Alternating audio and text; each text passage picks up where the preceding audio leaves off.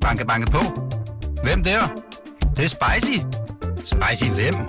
Spicy Chicken McNuggets, der er tilbage på menuen hos McDonald's. Badum, bom, tji.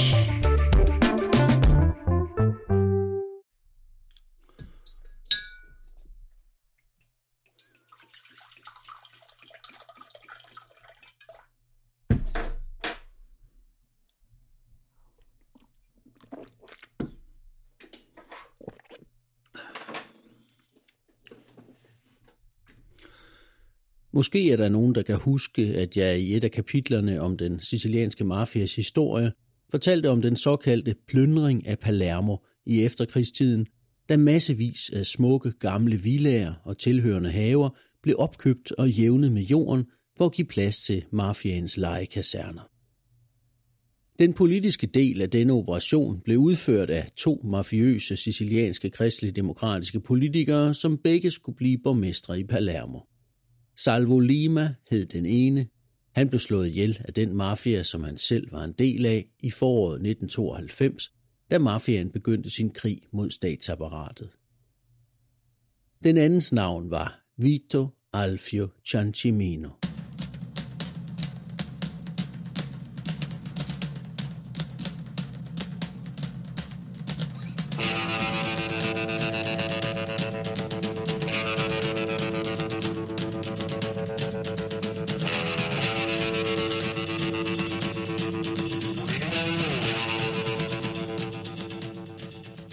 Han var søn af en barber fra den mafiøse bjergby Corleone, og som ung mand flyttede han til Palermo for at uddanne sig til ingeniør, men gjorde aldrig sin uddannelse færdig.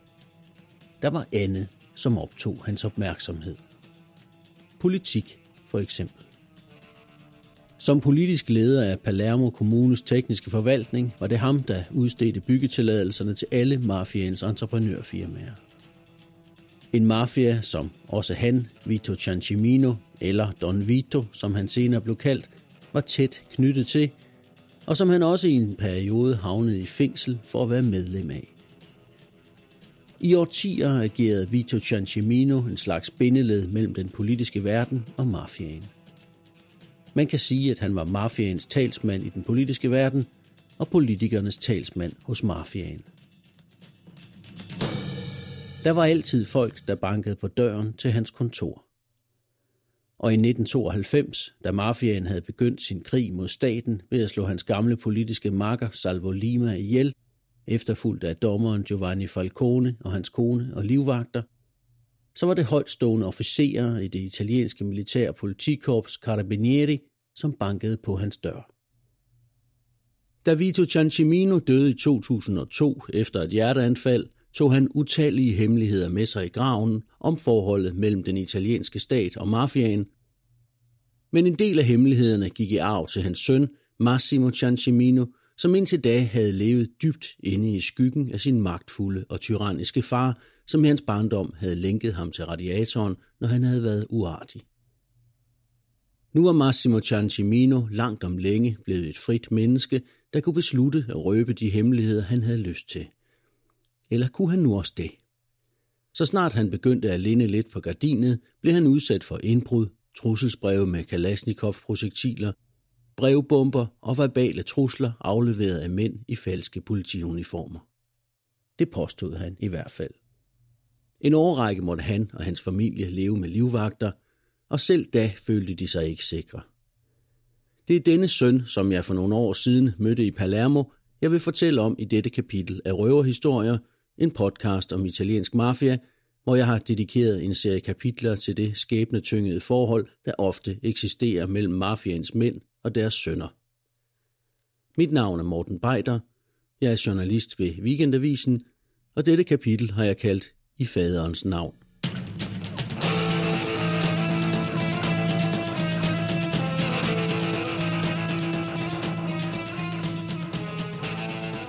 Nel caso mio, se avete ben ascoltato quello che ho detto, e penso che l'abbiate ascoltato, ma stasera lo mediterete perché io vi do, vi do le copie fotostatiche, qua c'è stata una violazione della Costituzione perché si sono formati atti, atti da parte della Commissione antimafia senza contestazione e contraddittorio.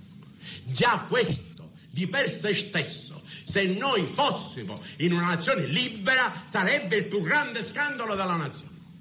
Nessun cittadino può essere processato senza... Stemmen, vi lytter til her, tilhører Vito Ciancimino på en pressekonference i Rom i sommeren 1990, to år før han første gang blev idømt en længere fængselsstraf for medlemskab af den sicilianske mafia.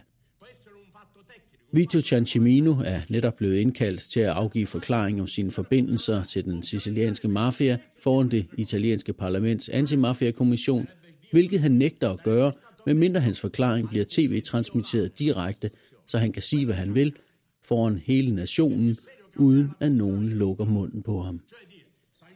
Han har på forhånd lavet forstå, at han godt kan finde på at sige ting, som betyder, at vigtige dele af statsmagten, som han udtrykker sig, havner på anklagebænken.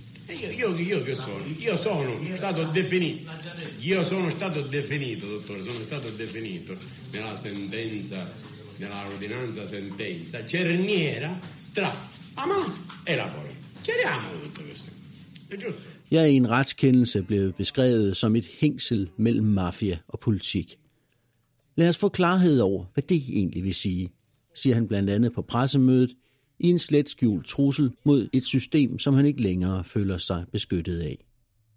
Vito Ciancimino får aldrig sin direkte transmission, og mødet med parlamentets antimafia-kommission bliver heller ikke til noget.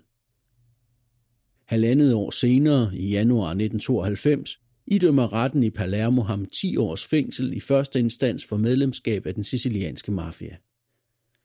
Dommen vækker opsigt, da det er første gang, at et fremtrædende medlem af Italiens ledende parti, de kristelige demokrater, dømmes for mafia. Vito Ciancimino er i forvejen blevet udpeget af den afhoppede mafioso Tommaso Buscetta som værende medlem af mafiaen og en af den øverste boss Totorinas nære kontakter. Et år senere falder så den endelige dom, der reducerer straffen til 8 års fængsel. Vito Ciancimino gør alle mulige krumspring for at undgå at afzone sin straf i et fængsel, hvilket delvist lykkes på grund af hans gode forbindelser. Kort inden han dør i husarrest i 2002, præsenterer Palermo Kommune ham for et erstatningskrav på 150 millioner euro for de skader, han har forvoldt kommunen under sin tid som lokalpolitiker. At den gamle Ciancimino er god for pengene, er der ikke meget tvivl om. Men han har gemt dem så godt, at det ikke lykkes at finde dem. Men hans søn Massimo bliver efter hans død anklaget for at have taget hånd om formuen og blandt andet investeret den i en kæmpe losseplads i Rumænien. Massimo Ciancimino bliver også anklaget for en masse andet, blandt andet for bagvaskelse og for selv at stå i ledtog med den sicilianske mafia, hvilket han alt sammen nægter. C'ho questo qui che così ah, voglio avvicinarlo più possibile. E tu stai lì? Sì, guarda, io mi posso pure mettere nella mia posizione usuale, che così. Ah, meglio, proprio perfetto. Allora, il lettore il- o l'ascoltatore Scusa danese le spalle, ovviamente. non ti preoccupare, eh, non ti conosce ehm, e per questo vorrei che tu ti presentassi, insomma, chi è Massimo Ciancimino? Massimo Ciancimino oggi sicuramente il primo aggettivo che mi viene in mente è un personaggio scomodo. Scomodo a tanti perché attraverso quello che è il ruolo del più famoso, più noto padre, almeno Jeg møder Massimo Ciancimino på en bar i Palermo centrum, hvor han sidder og drikker en aperitif sammen med sin kone og deres lille søn, omgivet af en ring af livvagter, og sammen går vi ned i bunden af en lille gade, hvor de bor i et større lejlighedskompleks for byens bedre borgerskab. Det meste af tiden bor de i Bologna i Norditalien, hvor hans kone kommer fra, forklarer han, men en del af året tilbringer de her i Palermo, hvor han selv er født og vokset op og hvor der hele tiden er folk, der vil ham noget, som for eksempel at afhøre ham eller hive ham i retten eller sætte ham i fængsel. E quindi per te a 18 anni era una cosa abbastanza positiva? Sì, ma perché si vedevano questi personaggi mafiosi che quasi ci si, si faceva gara per eh, accreditarsi. Da jeg var 18, var det at være mafioso noget positivt, noget man så op til. Der var kø for at blive venner med dem. Hvis man fik sin knald og stjålet, skaffede de den tilbage. De kunne skaffe en ind på diskotekerne og meget andet. Mafiaens mænd var folk, der kunne løse dine problemer, fortæller han. I bogen Don Vito, som Massimo Ciancimino udgav i 2010 sammen med journalisten og mafiaeksperten Francesco Lalicata, fortæller Massimo Ciancimino om en vanskelig opvækst. Jeg er den yngste af fire sønner, og uden tvivl den søn, som voldte min far mest besvær, fordi jeg ikke respekterede de regler, han havde opstillet for sin familie. Mens mine brødre fulgte reglerne og derfor fik mere frihed, holdt han mig tæt ind til sig i et forsøg på at rette mig op, skriver Massimo Ciancimino i bogen. Han beskriver det forhold, han havde til sin far, som et forhold, jeg ikke selv havde valgt, men som jeg blev tvunget til at have. I bogen fortæller han, hvordan han allerede som lille dreng fik et indtryk af sin far som en person, som ikke bare han selv, men også andre mennesker var bange for.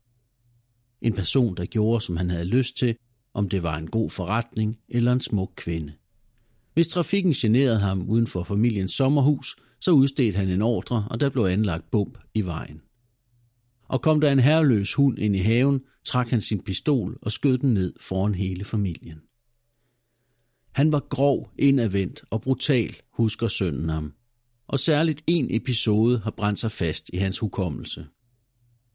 Det var lige blevet sommerferie, jeg var 13 år gammel, og hele familien var taget til havet. Min far var rasende, for han havde fået at vide, at jeg var dumpet i skolen og skulle gå hele året om. Jeg husker stadig alle de lussinger, han gav mig. Men endnu bedre husker jeg, hvad der skete bagefter. Min far gav min bror Giovanni ordre til at købe en 19 meter lang kæde og to kraftige hængelåse. Jeg fik kæden viklet et par gange rundt om hvert ben, og de resterende 16 meter var lige nøjagtigt nok til, at jeg kunne gå på toilettet. Han havde smidt mig i fængsel. Jeg glemmer aldrig ydmygelsen og skammen over at høre mine søskende og venner, som blev overrasket over at se mig sådan. Men det var ikke første gang, han berøvede mig min frihed. Jeg kan stadig genkalde mig lugten af sure sko i det kosteskab, vores tjenestefolk brugte til at klæde om i, og som jeg blev lukket ind i, når jeg havde fået dårlige karakterer. Nogle gange skulle jeg være der en hel uge, og fik kun lov at komme ud, når jeg skulle spise eller sove. Leggendo il libro ti renderai conto come tutta questa contrapposizione tra me e mio padre dovuto pure da un grande affetto nei confronti di mio padre e dal grande ruolo di non padre. Perché Man kan vel sige, at vi var hinandens modsætninger, min far og jeg.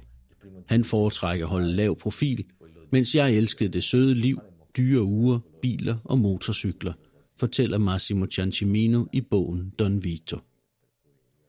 Hans far var, hvad man på italiensk vil kalde en padre padrone. En far og en herre på samme tid. Alligevel er der på sin egen måde en smule ømhed i den måde, Massimo Ciancimino fortæller om sin far på. Gamle Vito Ciancimino var uden tvivl et gennemført dumt svin, ja. Men han var stadig den eneste far, Massimo Ciancimino nogensinde fik, og ved at være så meget sammen, som de var, fordi Massimo Ciancimino som familiens sorte får blev tvangsindlagt til at være sin fars chauffør og privatsekretær, endte de på en måde med at blive knyttet til hinanden i et forhold af gensidigt had, men ikke kun. Og Massimo Ciancimino endte med at se og høre ting, som han måske ikke skulle have set og hørt. Ting, som måske for altid har præget hans syn på verden omkring ham. Jeg husker tydeligt, da jeg fandt ud af, at min far var mafioso. Jeg var 18 år gammel og sad og ventede på, at min far skulle blive færdig ved barberen. I et ugeblad faldt jeg over en artikel om en stor eftersøgt mafiaboss, Bernardo Provenzano. Det var ledsaget af et fantombillede fra FBI, og pludselig kunne jeg genkende ingeniør Loverde, som min far ofte mødtes med. Far, Loverde er jo Provenzano, sagde jeg til min far bagefter i bilen. Min far blev helt bleg og svarede så, Massimo, du er ved at rode dig ud i noget, som ikke engang jeg kan redde dig ud af. Un giorno accompagnavo mio padre dal barbiere, il riconoscere in questo ingegner Loverde, che io conoscevo come ingegner Loverde, questa persona molto familiare che veniva sempre a casa mia, nel momento in cui sfogliavo questo settimanale che si chiamava Epoca, non ho potuto non accostare la netta somiglianza. Il signor Loverde è provenzano. Mio padre ebbe una risposta molto dura, mi ricordo che cambiò espressione in viso e mi disse ricordati che da questi problemi non ti posso proteggere neanche io. Ma perché mi risponde così? Det var før alle massakrene. Og hvis jeg kunne vende tilbage til den dag, så ville jeg have sagt, rend mig i røven, far. Og jeg var gået til politiet. Men det ville ikke have nyttet noget alligevel. Provenzano var ikke den eneste, som kom i mit barndomshjem. Rundt om bordet sad også kardinaler, politifolk, dommere. Systemet var komplet, fortæller Massimo Ciancimino. Han er på mange måder en mærkelig mand, denne Max, som Massimo Ciancimino, søn af Vito, kalder sig. Det ene øjeblik utrolig åbenmundet, og det andet øjeblik gådefuld. Hans fortællinger bugter sig vej gennem labyrintiske gange, hvor man til sidst mister orienteringen og fornemmelsen af, hvad der er sandt, og hvad der nok er det pure opspind. Det var i hvert fald den fornemmelse, jeg selv havde, da jeg forlod hans lejlighed i Palermo for nogle år siden, i øvrigt samme dag, som Massimo Ciancimino officielt var blevet sigtet for selv at stå i ledtog med den sicilianske mafia. Senti una foto? Sì, Dovremmo farlo... Dove? Jeg fik også lov til at tage et billede af ham i hans atriumgård, inden vi sagde farvel. Billedet blev ikke særlig godt og blev ikke trygt i avisen, men jeg husker det alligevel, fordi det ikke så lang tid efter kom frem, at Massimo Ciancimino havde en større samling dynamitstænger, 40 i alt var det vist, gravet ned i atriumgården, og de havde sandsynligvis også været der, da jeg joggede rundt i haven og fumlede med mit kamera. Det var Ciancimino selv, der til sidst fortalte politiet om den nedgravede dynamit. Han havde modtaget den i en trusselspakke, som også havde indeholdt et fotografi af hans lille søn og et brev, der opfordrede ham til at holde munden knippet sammen. Det påstod han i hvert fald. Og som så meget af alt det andet dramatiske, der har med Massimo Ciancimino at gøre, så er det ikke sikkert, at det nogensinde bliver klart, hvad der er sandt og hvad der er pure opspind. Som den skarpladte pistol, der nogle dage efter vores møde blev fundet af hans livvagter i et elskab i opgangen til hans lejlighed. Var det ham selv, der havde anbragt den for at skabe opmærksomhed om sin egen sikkerhed, eller var det virkelig et forsøg på at skræmme ham til tavshed? Wow, som man siger på italiensk, når man ikke ved, hvad man ellers skal sige.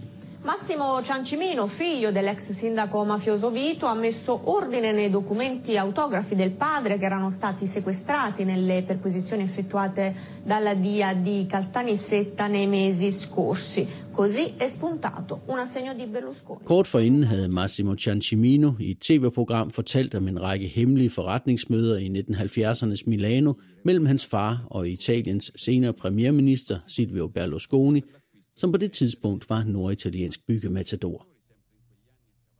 Dagsordenen for de hemmelige møder var ifølge Massimo Ciancimino, den sicilianske mafia Cosa Nostras, investeringer i Berlusconis første store byggeprojekt i Milano. Berlusconi har gennem sin advokat tidligere udtalt, at han aldrig har mødt hverken Don Vito eller hans søn Massimo. Påstand mod påstand, ikke helt i det her tilfælde. For Massimo Ciancimino fremtryllede fra sin fars gemmer en fotokopi af en check på 35 millioner lire, udstedt af Silvio Berlusconi til Don Vito i starten af 1980'erne. Et lille skvulp i en ujævn strøm af delvist dokumenterede påstande, som gennem tiden er sævet til retsvæsenet og medierne fra Massimo Ciancimino og hans mor, som siden er død af kræft. Alt sammen handler det om systemet, som Massimo Ciancimino kalder det. Han beskriver systemet som et sammenrend af dunkle magtfaktorer, som har ageret bag kulisserne i Italien siden fascismens fald, og som hans far frem til sin død i 2002 var en vigtig del af, med hans uregerlige søn som privatsekretær og øjenvidne. Da jeg otte år efter gamle Cianciminos død mødte hans søn i Palermo, så han sådan på det. Man bestemmer ikke selv, hvilken familie man fødes ind i, og hvilket efternavn man får. Men man bestemmer selv, hvordan man vil leve sit liv. Jeg vil tilbageføre lidt værdighed til det efternavn, jeg bærer, samme efternavn, som jeg har givet til min egen søn. Jeg har endda satset alt og kaldt min søn Vito efter min far, i håbet om, at man en dag kan hedde Vito Ciancimino, uden at have noget at skamme sig over, siger han. cerco e lotto dal primo giorno in cui ho perso sta strada per ridare un minimo di dignità al cognome che porto e soprattutto a quello che porterà mio figlio. Credo che non si può scegliere dove nascere, sicuramente puoi scegliere come vivere. Non credo nel pregiudizio, tanto voglio vincere il pregiudizio che ho osato dare un cognome come quello di Vito a mio figlio, si chiama Vito Andrea Ciancimino, ovviamente. Vito Andrea con la speranza che le persone un domani possano essere giudicate per quello che fanno. Per la vita che conducono. For en sikkerheds skyld har hans søn, som var fem år, da jeg mødte Ciancimino og hans familie i Palermo, dog også fået et mellemnavn, Andrea, som han kan benytte sig af, hvis hans fars planer om at vaske familienavnet rent går galt.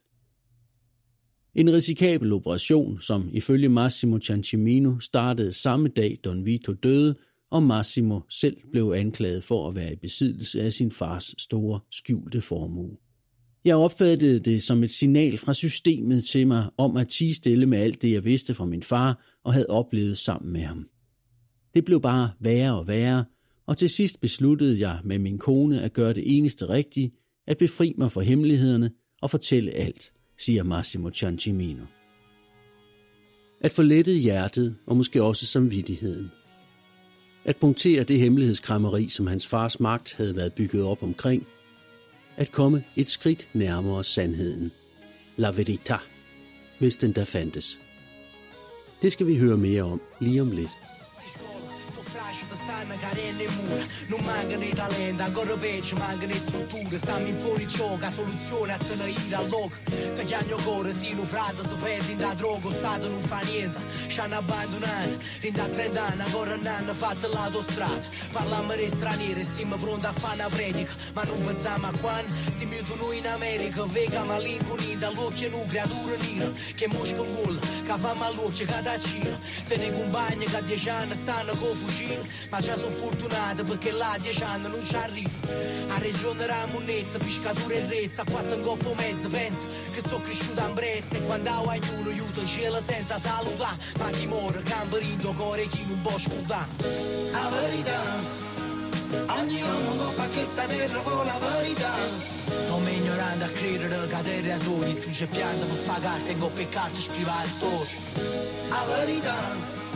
Ogni uomo coppa che sta terra con la verità Non mi ignorando a credere che la terra solo Distrugge piante per fare carte, coppe e scrive la storia. I pregativi la futura gente mezza via Stessa fortuna Massakrene, som Massimo Ciancimino taler om, var den blodede sæson, der startede i Palermo i foråret 1992 med nedskydningen af den ledende kristelig demokratiske politiker Salvo Lima, som havde været borgmester i Palermo, da hans egen far var rådmand og leder af den tekniske forvaltning og udstedte byggetilladelser til alle vennerne. Ucciso a Palermo Salvo Lima, un assassinio che turba la campagna elettorale. L'eurodeputato è stato assassinato da due killer davanti alla propria abitazione. Blodet begyndte at flyde i Palermo stort set samtidig med udbruddet af den store korruptionsskandale Rene Hænder, som hurtigt skulle føre til opløsningen af mafiaens foretrukne partier, de kristelige demokrater og socialisterne. Halvanden måned efter mordet på Lima myrdedes også antimafia-dommeren Giovanni Falcone, hans kone og livvagter ved et bombeattentat uden for Palermo. Og to måneder senere tog endnu en bombe livet af Falcones kollega Paolo Borsellino og dennes fem livvagter. De brutale mord bragte Italien på den anden ende, og en hidtil uset bølge af folkelig protest rejste sig mod mafiaen over hele Italien og ikke mindst på Sicilien. Men dermed var det ikke slut. Året efter, i 1993, rykkede bomberne fra Sicilien til det italienske fastland. Ved en stribe attentater omkom i alt 10 mennesker, og det var lidt af et under, at det ikke var mange flere. Derefter fulgte en stillhed, som bebudede nye tider, både for italiensk politik, men også for den sicilianske mafia. Ud af de politiske støvskyer kom en kendt italiensk erhvervsmand, Silvio Berlusconi, og i mafiaens verden var den diktatoriske og blodtørstige boss Totorina blevet anholdt, og han blev senere afløst af den noget mildere Bernardo Provenzano. To systemskifter på samme tid. Selv fortæller Massimo Ciancimino, at der var tale om en meget kynisk strategi, som bare frugt. Og hvis det ikke var fordi en del af påstandene hen ad vejen har fundet en form for bevis i form af dokumenter og politikere, som pludselig har fået hukommelsen tilbage, så ville hans udsagn nok drukne i havet af italienske fantasier, der ser en konspiration bag stort set hvert gadehjørne. Sandheden, som Ciancimino udlægger den, bygger på en kompleks forhistorie, der i korte træk går ud på, at mafia og dele af den italienske statsmagt har samarbejdet siden fascismen faldt og kampen mod vestens største kommunistparti begyndte. Denne hemmelige pagt sikrede næsten 50 års uafbrudt kristelig-demokratisk styre og sikrede samtidig mafien en privilegeret eksistens som vagthund, forlænget arm, storleverandør og stemmer med stor frihed til at pleje egne lukrative forretninger. En form for symbiose, som tidligere på flere måder allerede er blevet beskrevet i denne podcast-serie. Hvis staten med den ene hånd foretog anholdelse af mafiosi, så sørgede den med den anden hånd for, at de blev sluppet fri igen. Dette system kom for første gang i krise, da den sicilianske mafias øverste boss, Totorina, sidst i 70'erne begyndte at overtage magten i Cosa Nostra. Hans overtagelseskrig kostede over 1000 menneskeliv. De fleste var mafiosi, men der var også en del dommer og politifolk imellem. Og krigen fik som konsekvens, at de første mafiabosser fra de tabende mafiafamilier for første gang nogensinde brød muren af tavshed og flygtede over på myndighedernes side. Resultatet var den såkaldte Maxi-retssag, hvor det efter et årlangt omtumle forløb i januar 1992 endelig lykkedes dommerne Giovanni Falcone og Paolo Borsellino at få en håndfuld af de største bosser idømt livstidsdomme. Blandt andre selveste Tortorina, som på det tidspunkt dog endnu var eftersøgt og blev dømt in absentia. Dommen kom som et chok for mafiaen, som til det sidste havde troet på, at systemet ville sørge for frifindelse. At pakten med staten stadig var gældende, men Guds eget parti, de kristelige demokrater, havde ikke længere muren i Berlin og partiets egen rolle som boldværk mod kommunismen som bagstopper. Partiet var så at sige slidt ned af sin egen magt, og immunforsvaret var kraftigt nedsat, hvilket snart skulle blive tydeligt med rene hænder-affæren, korruptionsskandalen, som bragte de kristne demokrater til fald. Pakten kunne ikke længere holde stand over for de hederlige dele af retssystemet, og Totorinas hævn kom prompte i form af mordet på først den kristelige demokrat Salvo Lima og efterfølgende på dommer Giovanni Falcone. Under hævnen lå en strategi om at presse staten til forhandlingsbordet om en ny pagt, fare la guerra per fare la pace, at gå i krig for at opnå fred, som Totorina udtrykte det. Nella contrapposizione voluta da Rina tra mafia e Stato si è trovata una legislazione che ha devastato Cosa Nostra nel proprio patrimonio, nel proprio intento, per cui non aveva senso tutto questo secondo mio padre, per cui mio padre pure era stranizzato di questo tipo di atteggiamento di Rina, tant'è che ci sono i famosi chi sta manovrando Rina. Mio padre fa tante dichiarazioni in quel periodo di questa non è mafia, questo è terrorismo. Qualcuno sta usando la mafia come logistica, come sistema di accelerazione perché nel 92 Ifølge Massimo Ciancimino havde hans far fra starten mistanke om, at Totorina ikke kun agerede på eget initiativ, men at mafiabossens hånd var ført. At højere magter i systemet viskede Rina i øret, hvad han burde gøre. For en mafioso vil aldrig af sig selv gå i krig mod en hel stat, mener Massimo Ciancimino og mange mener som ham, at afsporede dele af efterretningstjenesten i virkeligheden var inde i arena på det tidspunkt. Folk, som ikke handlede til statens bedste, men som havde deres egen dagsorden. Staten kunne på det tidspunkt have givet mafiaen noget stødet. Tidspunktet var perfekt, for befolkningen havde oven på de første massakre vendt mafiaen ryggen. Men i stedet begyndte staten at forhandle med mafiaen gennem min far og mig selv, fortæller Massimo Ciancimino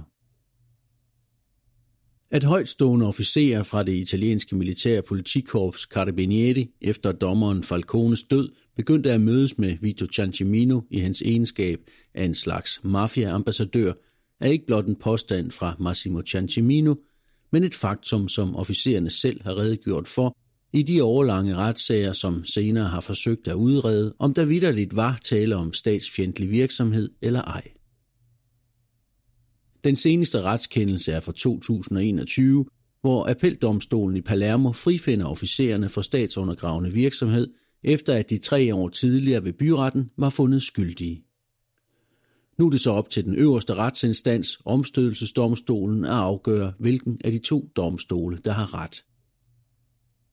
Men lytter man til en af hovedpersonerne, den nu pensionerede karabinieri-general Mario Mori, som i 1992 var leder af Carabinieriernes særlige udrykningsenhed i Palermo, så var der tale om møder, som på ingen måde havde formål at føre fredsforhandlinger med mafiaen efter mordet på Falcone, eller at give mafiaen indrømmelser, men tværtimod at få Totorina og hans folk til at overgive sig. Her udtaler Mori sig i byretten i Palermo i 2016, hvor han i en halvanden time lang tale afviser alle anklager, som blandt andre Massimo Ciancimino har rettet imod ham og hans kolleger. Nel corso della trattativa tra Stato e Cosa Nostra, Massimo eh, Ciancimino sostiene che fu consegnato al padre un documento di richieste formulate dalla parte mafiosa, il cosiddetto papello, che egli poi avrebbe dato al colonnello Mori. Questa affermazione è completamente inventata. Se Vito Ciancimino mi avesse mostrato un qualsiasi documento che asseritamente... Mori er ikke hvem som helst. Det var under hans ledelse, at Totorina blev anholdt i januar 1993, men det var også under hans ledelse, at der et par år senere ikke blev givet ordre til at skride til anholdelse af Rinas efterfølger, Bernardo Provenzano, da man takket være en mafioso, der var gået over på myndighedernes side, havde fået lokket Provenzano ud af sit skjulested og til et møde på en øde bondegård. Og nogle måneder senere blev afhopperen, der havde samarbejdet med politiet, likvideret. Det lignede unægteligt en tanke. Og Mori blev da også senere anklaget for at holde hånden over Provenzano, men også denne retssag endte med en frifindelse. Og indtil videre fremstår Mori som en pensioneret statens tjener med en brilliant karriere bag sig. Hans sidste job i den italienske stat var som leder af den civile efterretningstjeneste, mens Massimo Ciancimino fremstår som en løgnhals. Så hvorfor overhovedet lytte til Massimo Ciancimino. Fordi enhver løgn, uanset hvor tyk den måtte synes at være, godt kan bygge på elementer af sandhed. Og når det handler om den italienske stats forhold til mafiaen, så er der sjældent noget, der enten er sort eller hvidt. Stat og mafia, eller politik og mafia, har som allerede beskrevet i denne podcast været blandet sammen siden den italienske stats fødsel og endnu tidligere, så hvis dele af staten virkelig var indstillet på at forhandle med mafiaen, så ville det ikke have været unaturligt set i en italiensk kontekst.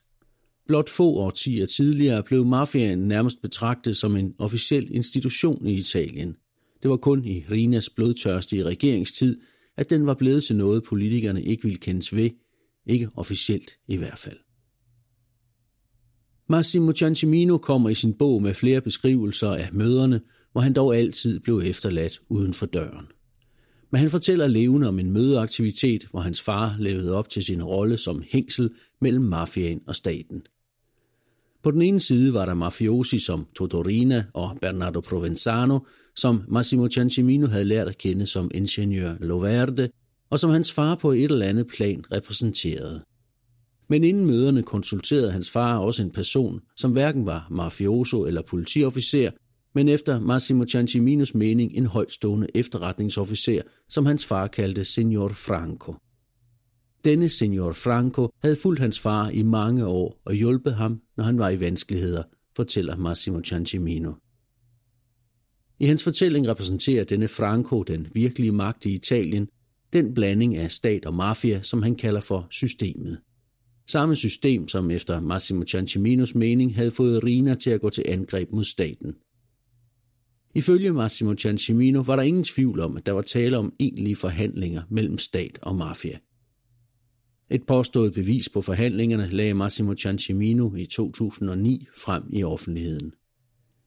Det var et håndskrevet notat kaldet Il Papello med mafiens krav til en fred med staten. Hvem forfatteren var, er aldrig blevet klarlagt. Ej heller, om det bare drejer sig om et falsum. Flere afhoppere taler om et forhandlingspapir, som var udarbejdet af Rina selv, men om det virkelig skulle være det samme stykke papir, som Massimo Ciancimino var i stand til at fremtrylle en fotokopi af, svæver stadig i det uvisse. Under alle omstændigheder var der en vis autenticitet over i hvert fald indholdet af papiret. Der var tale om en række krav, som mafiaen ville have opfyldt for at begrave stridsøksen igen. Første punkt var en omstødelse af maxiretssagens dom, Dertil kom krav om mildere straffe til mafiosi, svære vilkår for afhopperne og lukning af fængselsøerne. Ifølge Massimo Ciancimino blev hans far rasende, da han læste papiret, som han frygtede ville få staten til at opgive forhandlingerne. Mario Mori nægter nogensinde at have set det påståede forhandlingspapir, og ingen domstol har anerkendt det som gyldigt bevismateriale. Efter alt at dømme vil det leve videre som et fast element i de utallige konspirationsteorier, der eksisterer omkring forholdet mellem den italienske stat og mafiaen. Og til denne kategori hører måske også den hårdnakkede påstand, at dommeren Giovanni Falcones kollega Paolo Borsellino blev myrdet et par måneder efter Falcone, fordi han havde fået nys om forhandlingerne, og at han ville forpure dem. I dette tilfælde skulle der være tale om et attentat, der blev udført som et samarbejde mellem mafiaen og dele af den italienske efterretningstjeneste. Dette er dog aldrig blevet bevist. Men hvis der virkelig var tale om forhandlinger mellem stat og mafia, førte de så til noget. Mario Mori har i retten fortalt, at møderne fortsatte hen over efteråret, og at den gamle Ciancimino mest virkede interesseret i at lave en aftale med staten, som sikrede, at han ikke selv havnede bag træmmer efter den retssag, han selv var havnet i, som anklaget for at stå i ledtog med mafiaen. I Massimo Cianciminos fortælling var hans far ind som en lus mellem to negle, og til sidst blev også gamle Ciancimino overbevist om, at det ikke nyttede noget at forsøge at forhandle mere med Rina, men derimod var det bedre at fremprovokere et magtskifte i mafiaen, så man fik nye og bedre samtalepartnere. Hvilket skete ved, at Ciancimino fortalte politiofficererne, hvor Rina gemte sig i Palermo. Det er jeg sikker på, for det var mig selv, som på min fars vegne gav dem kortet med angivelse af, hvor Rina gemte sig, fortæller Massimo Ciancimino.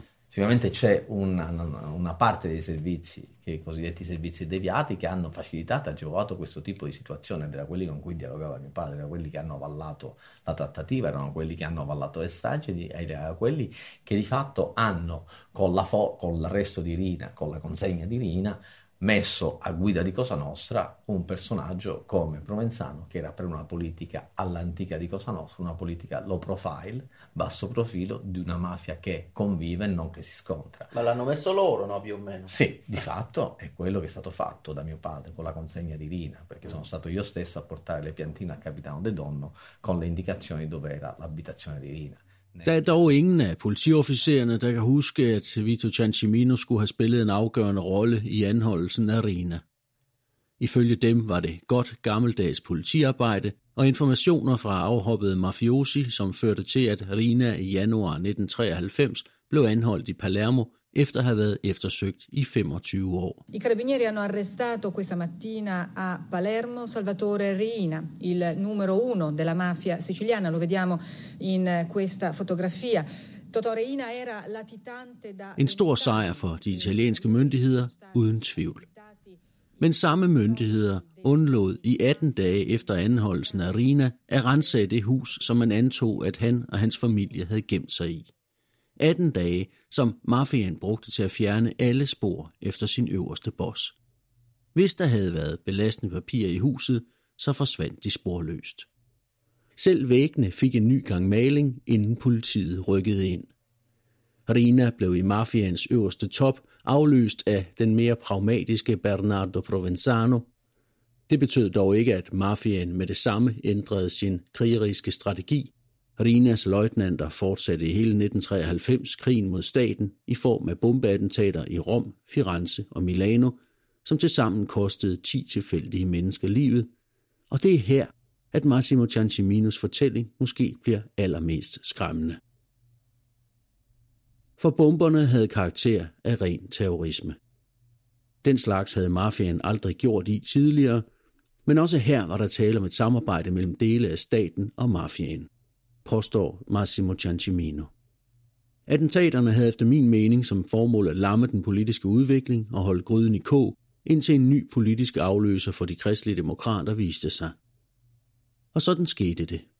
Da dette nye parti var blevet født, holdt attentaterne op, og inden min far døde, sagde han til mig, at han i starten heller ikke forstod, hvad der foregik, men at det senere var gået op for ham. At det har været det hele værd, som han sagde, fortæller Massimo Ciancimino.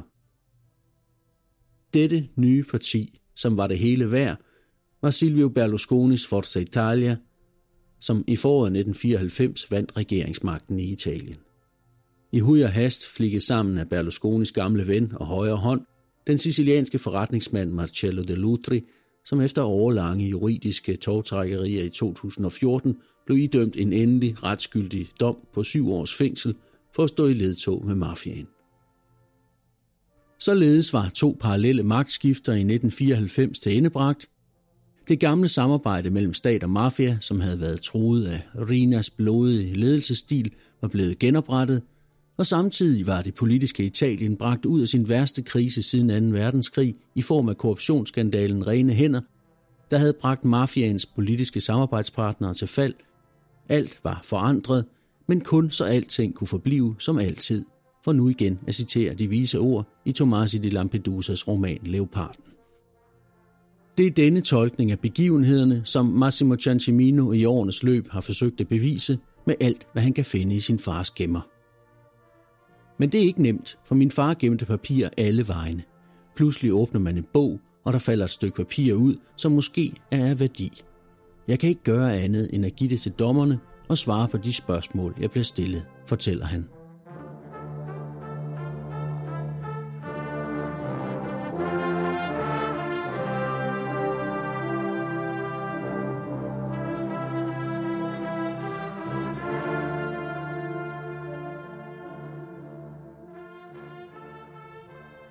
Den fulde sandhed omkring den italienske stats forhold til mafiaen, hvis denne sandhed vel at mærke overhovedet findes, nogensinde vil blive fuldt afdækket, er nok tvivlsomt. Det ville måske kræve, at et helt land fandt modet til at dømme sig selv og omskrive sin egen historie. Intet tyder på, at mafiaen er på vej ud af landets magtstruktur, mener Massimo Ciancimino, som i årenes løb selv er blevet dømt for hvidvaskning, forsøg på afpresning, bagvaskelse og han har desuden rettens ord for, at de trusler, han påstår, han er blevet udsat for, er hans eget værk. Hvilket de måske også er. Men hvad nu, hvis det ikke forholder sig sådan? Sicuramente si vuole svecchiare di quel titolo di mafia armata, di quei soggetti che sicuramente rievocano quei periodi e che di fatto attenzionano, possono attenzionare ancora le istituzioni verso questi soggetti, per cui secondo me è una mafia che in virtù dei propri interessi è disposta anche a sacrificare quelle che sono le, le vecchie icone della loro ah, lotta nei confronti dello Stato. I de seneste år har politiet anholdt den ene mafiaboss efter den anden, og tillykke med det. Men vi må ikke glemme, at rækken af anholdelser startede netop med Totorina, og at han blev udleveret af mafiaen selv. Han blev offret af mafiaen, så den selv kunne leve videre. De fleste anholdelser i dag sker stadig i mafiens militære afdeling, mens de andre, der bare vil passe deres forretninger, lades i fred. Mafiaen er i dag den mest blomstrende forretning i Italien og i Europa, kan man læse i avisen. En mafia, der for sin egen overlevelse skyld er klar til at ofre sine egne gamle ikoner. For hver krise, der opstår, for hver fabrik, der lukker og folk, der bliver sendt på gaden, uden at staten gør noget for dem, bliver opbakningen til mafiaen bare større og større, siger Massimo Ciancimino. Vi tager afsked, og på vej ned ad trappen tænker jeg på, hvem jeg egentlig er mødtes med. Er det en borger i det Italien, som gerne vil gøre sig fri af mafiaen? Eller er det bare mafiaen i en ny forklædning? Eller er det en søn, der har levet så meget i skyggen af sin far, at han er endt med at leve videre som sin far, efter at faren er død? Som så meget andet bliver jeg nok ikke klogere på det. Udenfor på gaden står hans livvagter og spejder til alle sider. Luften er mild, og alt er godt. De har endnu ikke fundet pistolen. Eller dynamitten for den sags skyld. Men det gør de lige om lidt.